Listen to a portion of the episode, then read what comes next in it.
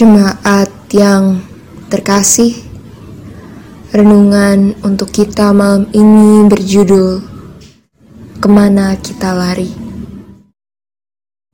Dan bacaan yang diambil berasal dari kitab Efesus pasal 2 ayat 1 sampai 7. Beginilah firman Tuhan. Kamu dahulu sudah mati karena pelanggaran-pelanggaran dan dosa-dosamu. Kamu hidup di dalamnya karena kamu mengikuti jalan dunia ini. Karena kamu menaati penguasa kerajaan angkasa, yaitu roh yang sekarang sedang bekerja di antara orang-orang durhaka. Sebenarnya dahulu kami semua juga terhitung di antara mereka. Ketika kami hidup di dalam hawa nafsu daging, dan menuruti kehendak daging dan pikiran kami yang jahat. Pada dasarnya, kami adalah orang-orang yang harus dimurkai, sama seperti mereka yang lain.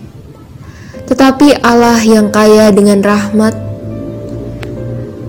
oleh karena kasihnya yang besar yang dilimpahkannya kepada kita, telah menghidupkan kita bersama-sama dengan Kristus, sekalipun kita telah mati oleh kesalahan-kesalahan kita oleh kasih karunia kamu diselamatkan.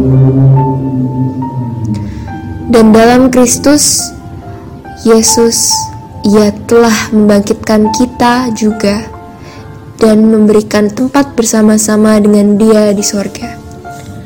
Supaya pada masa yang akan datang, ia menunjukkan kepada kita kekayaan kasih karunia-Nya yang melimpah-limpah sesuai dengan kebaikannya terhadap kita dalam Kristus Yesus.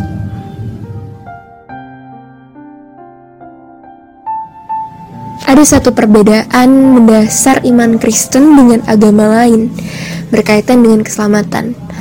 Agama-agama lain mengatakan bahwa keselamatan baru bisa diperoleh ketika seseorang benar-benar berusaha dengan keras melakukan segala kebaikan dalam hidupnya. Dan itu pun terkadang masih belum ada jaminan 100% orang tersebut mendapatkan keselamatan. Sedangkan dalam pemahaman iman Kristen kita sepenuhnya mendapat garansi keselamatan dari Kristus. Apa dasarnya? Dalam bacaan kita disebutkan bahwa semua itu dapat terjadi karena kasih karunia yang diberikan Allah kepada kita melalui Kristus. Karena pengorbanan Kristuslah yang membuat kita mendapatkan kasih karunia tersebut.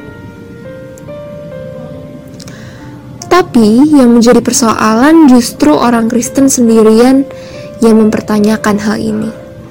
Banyak dari antara kita masih belum sepenuhnya percaya akan kasih karunia itu.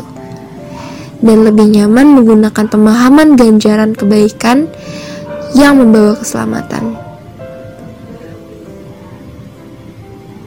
Apa dampaknya? Akibatnya, kasih yang dimiliki orang Kristen tidak tulus dan murni semua dilakukan hanya demi upah. Bukankah ini sebuah ironi? Tuhan dengan hal yang begitu luar biasa tersebut justru kita harga dengan cara yang murah. Jadi, mari kita kembali fokus bahwa kita sudah mendapatkan kasih karunia itu secara cuma-cuma dan tuntas. Dengan demikian, lakukan segala sesuatu bukan demi upah, tapi dalam sukacita dan syukur karena kita sudah mendapatkan hal yang lebih berharga dari segala upaya kita. Mari kita hidup dalam kasih karunia tersebut. Demikianlah renungan malam ini. Semoga damai sejahtera dari Tuhan Yesus Kristus tetap memenuhi hati dan pikiran kita. Amin. Jemaat yang terkasih, mari kita bersatu hati menaikkan pokok-pokok doa yang ada dalam gerakan doa GKI Sarwa Indah. Mari kita berdoa.